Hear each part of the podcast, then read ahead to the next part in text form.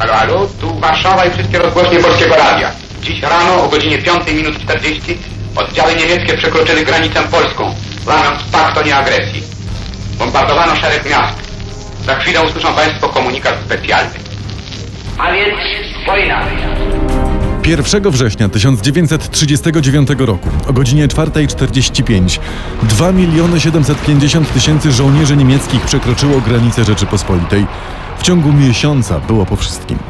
Czy tak musiało się stać? Czy nikt nie wiedział o zbliżającej się agresji? Jakie i czyje działania spowodowały śmierć 6 milionów Polaków podczas II wojny światowej? W razie gdyby jedna ze stron umawiających się znalazła się w działaniach nieprzyjacielskich z jednym z mocarstw europejskich w wyniku agresji tego mocarstwa przeciw tej stronie umawiającej się, druga strona umawiająca się niezwłocznie udzieli stronie umawiającej się zamieszanej w działania nieprzyjacielskie wszelkiej dla niej możliwej pomocy i poparcia.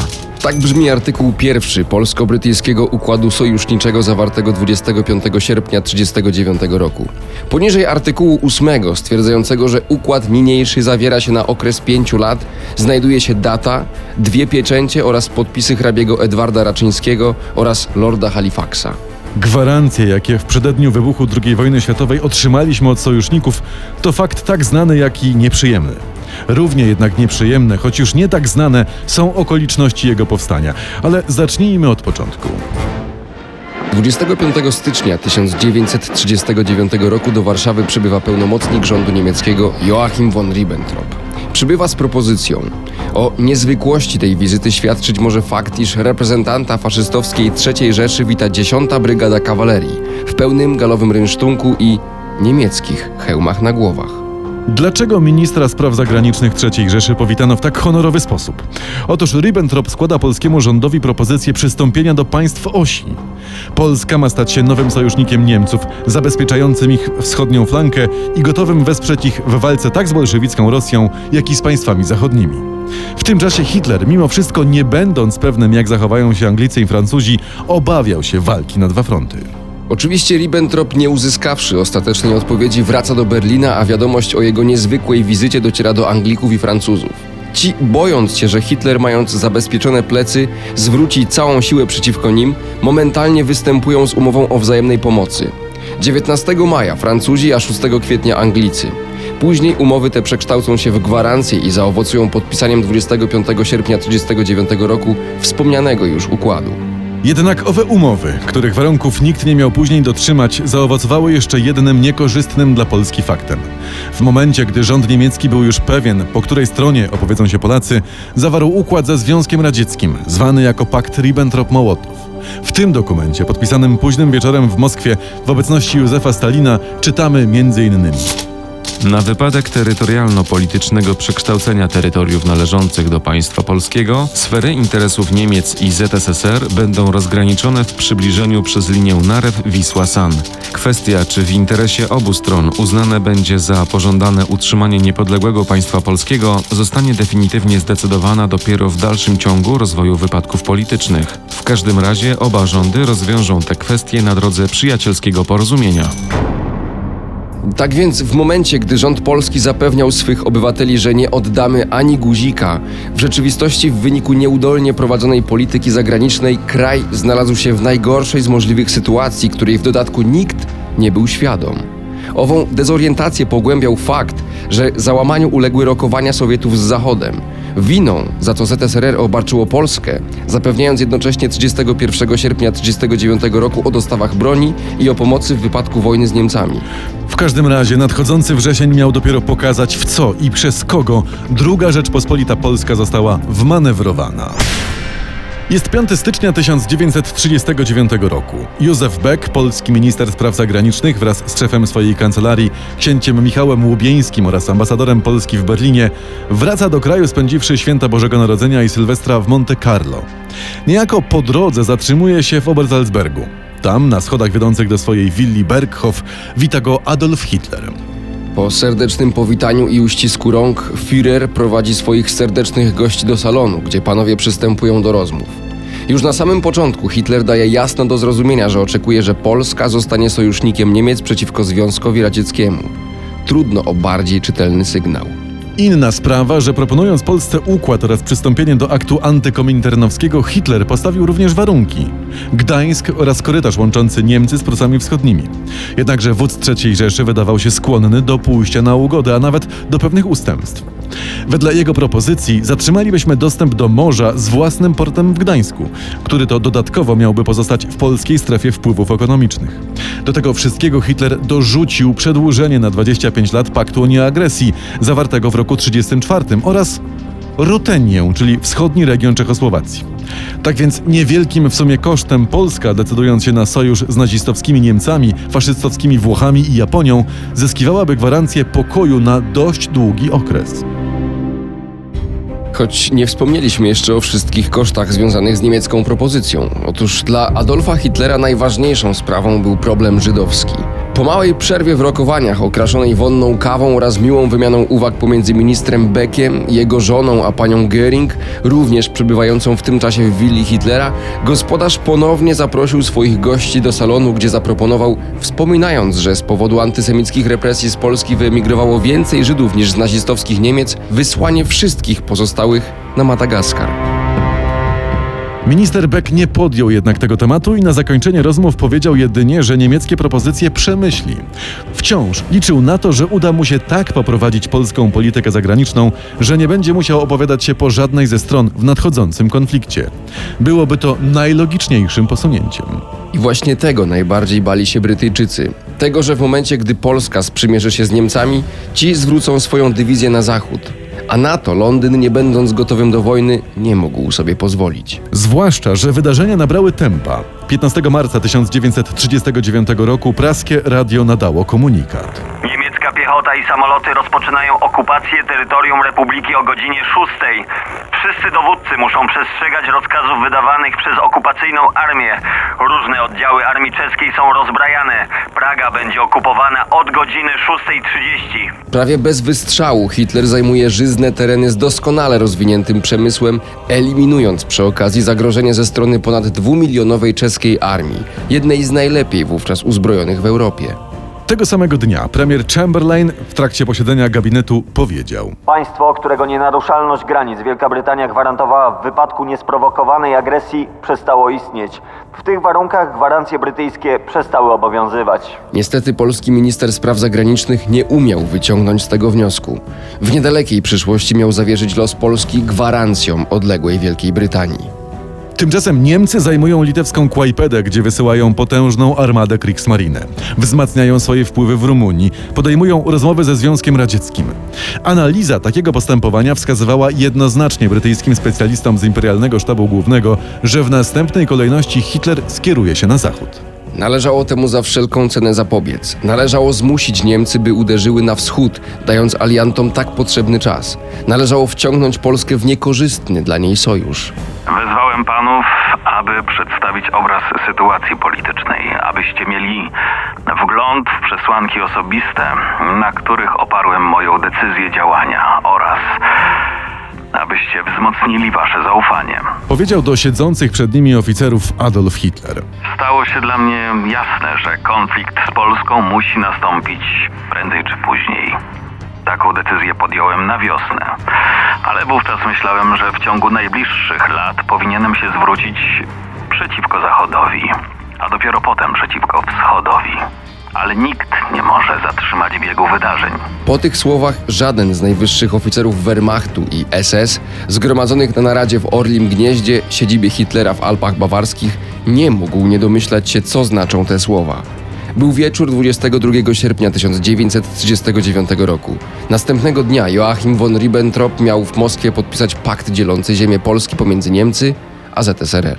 Stało się jasne, że w przypadku konfliktu z Zachodem Polska zaatakuje nas. Nawiązałem osobisty kontakt ze Stalinem. Zaaranżowałem wizytę Ribbentropa w Moskwie, aby podpisać pakt o nieagresji. Teraz będę miał Polskę, kiedy tylko zechcę. Zakończyłem przygotowania polityczne. Droga jest otwarta dla żołnierzy. Tak zaczynały o sobie dawać znać efekty polskiej polityki zagranicznej. Najpierw bez sensownego trzymania się na uboczu wydarzeń, a później zawarcia niekorzystnego sojuszu wojskowego. Najpierw 31 marca z wymienionych już wcześniej powodów premier Wielkiej Brytanii udziela Polsce gwarancji. Dwa tygodnie później minister Beck podpisuje w Londynie porozumienie, w ramach którego Polska udziela takich samych gwarancji Anglikom. Dlaczego? Dlaczego odrzucone zostają niemieckie propozycje ze stycznia tego roku niezwykle korzystne dla Polski, a przyjęte gwarancje zachodnich aliantów, które mają dwie podstawowe wady? Po pierwsze są nie do zrealizowania, a po drugie zmuszają Hitlera do agresji na wschód. Ale o to przecież Brytyjczykom i Francuzom chodziło. I nie mógł nie wiedzieć o tym minister Józef Beck. A jeżeli nawet nie wiedział, nie trudno było się domyślić. Serca przed litością. Działajcie brutalnie. Kontynuował swoją przemowę do dowódców Adolf Hitler. Zgniećcie każdą iskrę życia. Moc jest prawem, dlatego musimy działać z wielką bezwzględnością. Musicie podejmować decyzje szybko i zawsze wierzyć w niemieckiego żołnierza. Celem militarnym jest całościowa destrukcja Polski. Rozkaz rozpoczęcia walk przekażę wam później. Wstępnie datę ataku Hitler wyznaczył na 25 sierpnia, tak więc najwyżsi oficerowie Wehrmachtu i SS opuszczali willę Hitlera z poczuciem dziejowej misji. Nie wszyscy jednak. Wśród nich znajdował się bowiem generał Hans Oster, zastępca szefa niemieckiego wywiadu wojskowego Abwehry, Wilhelma Canarisa, zagorzały antynazista i niejako przy okazji prawdopodobnie informator radzieckiej siatki wywiadowczej. Udało się. Przemieszczone z zachodu niemieckie dywizje stanęły wzdłuż polskich granic. Alianci mieli pewność, że Niemcy uderzą lada chwila. Osiągnęli jednak swój cel. Poważne siły Wehrmachtu miały na długo zostać uwiązane na wschodzie, z dala od ich granic. Skąd u sojuszników taka pewność? Zyskali ją po zapoznaniu się z materiałami z narady w Orlim Gnieździe, które to przekazał im generał Hans Oster. Kto, gdzie i kiedy? Wszystko i dokładnie. Mało tego, kochanką przełożonego Ostera, szefa niemieckiego wywiadu wojskowego admirała Wilhelma Canarisa, jednego z przywódców antyhitlerowskiej opozycji w Niemczech była Halina Szymańska, żona polskiego oficera pracującego w ambasadzie polskiej w Berlinie. Czyżby więc nic tą drogą nie dotarło do kraju na temat planowanego ataku? Wydaje się to mało prawdopodobne. A staje się niemożliwe, gdy dowiemy się, iż Halina Szymańska była agentką brytyjskiego wywiadu MI6. Czyżby więc zawarcie sojuszu wzajemnej pomocy 25 sierpnia 1939 roku, czyli w dniu, w którym pierwotnie Hitler chciał zaatakować Polskę, było próbą odwiedzenia go od tego zamiaru? W każdym razie wódz III Rzeszy wydawał się nie przejmować tym, że zgodnie z artykułem pierwszym porozumienia znajdzie się w stanie wojny z całą Europą Zachodnią, a brytyjskie bomby spadną na niemieckie miasta. Jak wiadomo, nie spadły. Zaś niemieckie wojska zaatakowały. Polska ze swoim słabo uzbrojonym i szczupłym liczebnie wojskiem nie mogła obronić 1200 km frontu, dlatego też czysto defensywny plan obronny, głównie w konsekwencji przedwojennej polityki zagranicznej, zakładał utrzymanie się do czasu wystąpienia sojuszników na zachodzie. Zupełnie nie brano pod uwagę możliwości ataku ze strony Sowietów i walki na dwa fronty, co można było przewidzieć, zważywszy na doskonałe stosunki pomiędzy Niemcami a ZSRR przed wojną. Po raz kolejny dawały o sobie znać błędy ministra spraw zagranicznych. Wojna trwała, a sojusznicy milczeli. Późnym rankiem 12 września przebywający w miejscowości Abbeville premier Francji Edouard Daladier przyjmuje na półoficjalnym śniadaniu dwóch niezwykle ważnych gości. Premiera Wielkiej Brytanii Winstona Churchilla oraz ambasadora Stanów Zjednoczonych w Paryżu. Biorących udział w rozmowach szefów sztabów sprzymierzonych dotyczących rozwoju sytuacji w Europie. Churchill, zapytany o przystąpienie Anglii do działań zbrojnych przeciwko Niemcom, zdecydowanie odpowiada. Nie, panie Deladier, użycie brytyjskich bombowców przeciwko Niemcom w chwili obecnej nie wchodzi w grę. Absolutnie. A co z wezwaniami tego polskiego ministra Beka? Mm, Nie możemy sprowokować niemieckich e, nalotów na Wielką Brytanię, a w szczególności zbombardowania naszych zakładów. E, Polska w każdym razie jest stracona. Tego samego dnia popołudniem w trakcie narady szefów sztabów generał Gamelin, naczelny dowódca wojsk francuskich, oznajmia, iż również naloty samolotów francuskich na Niemcy mogą spowodować kontratak nieprzyjaciela, czego za wszelką cenę należy uniknąć. W chwilę później oznajmia zebranym swoją decyzję. Podjęcie przez nas działań zbrojnych przeciwko III Rzeszy w żaden sposób nie może mieć wpływu na wydarzenia w Polsce. Polska winna nadal trwać w oporze, by w ten sposób zarówno Francja, jak i Wielka Brytania mogły przeprowadzić mobilizację w sposób niezakłócony. W tym samym czasie, gdy generał Gamelin wygłaszał swoje przemówienie, wszystkie polskie armie, z wyjątkiem walczącej nad wzorą Armii Poznań, cofają się, zagrożone odcięciem przez nieprzyjaciela, który podchodzi pod Lwów. Ludność Warszawy już czwarty dzień odpiera ataki niemieckiej czwartej Dywizji Pancernej. Na co liczyli więc sojusznicy, skoro zakończenie mobilizacji i ofensywę przeciwko Niemcom planowano na lata 1940-1941? Nie wiadomo. Być może mieli nadzieję, że uda się raz jeszcze ułagodzić Hitlera, który być może, zadowoliwszy się Polską, zgodzi się na pokój. W każdym razie słowa wygłoszone przez Churchilla nad filiżanką porannej kawy brzmiące Polska stracona jest w każdym razie, niejako zdają się to potwierdzać. Podobnie jak fakt, iż ustaleń z narady w Abbeville nie przekazano nawet tytułem informacji stronie polskiej, pomimo usilnych nalegań naszych przedstawicieli za granicą o wywiązanie się z zawartych umów. Przewidywały one, przypomnijmy, że po odciążeniu Polski przez lotnictwo sprzymierzonych w 15 dniu wojny armie lądowe zaatakują III Rzeszę swymi głównymi siłami. Jak wiemy, tak się nie stało. A co ciekawe, w chwili gdy większość armii niemieckich związana była walkami z Polską, Anglia i Francja dysponowały na zachodzie ponad trzykrotną przewagą tak w siłach naziemnych, jak i w lotnictwie, które na 25 słabo wyszkolonych i uzbrojonych niemieckich dywizji zrzucało ulotki. Nie ulega wątpliwości, że do września roku pamiętnego i wszystkiego, co działo się później, w bardzo dużym stopniu przyczyniła się błędna i nieodpowiedzialna polityka zagraniczna prowadzona przez Józefa Becka.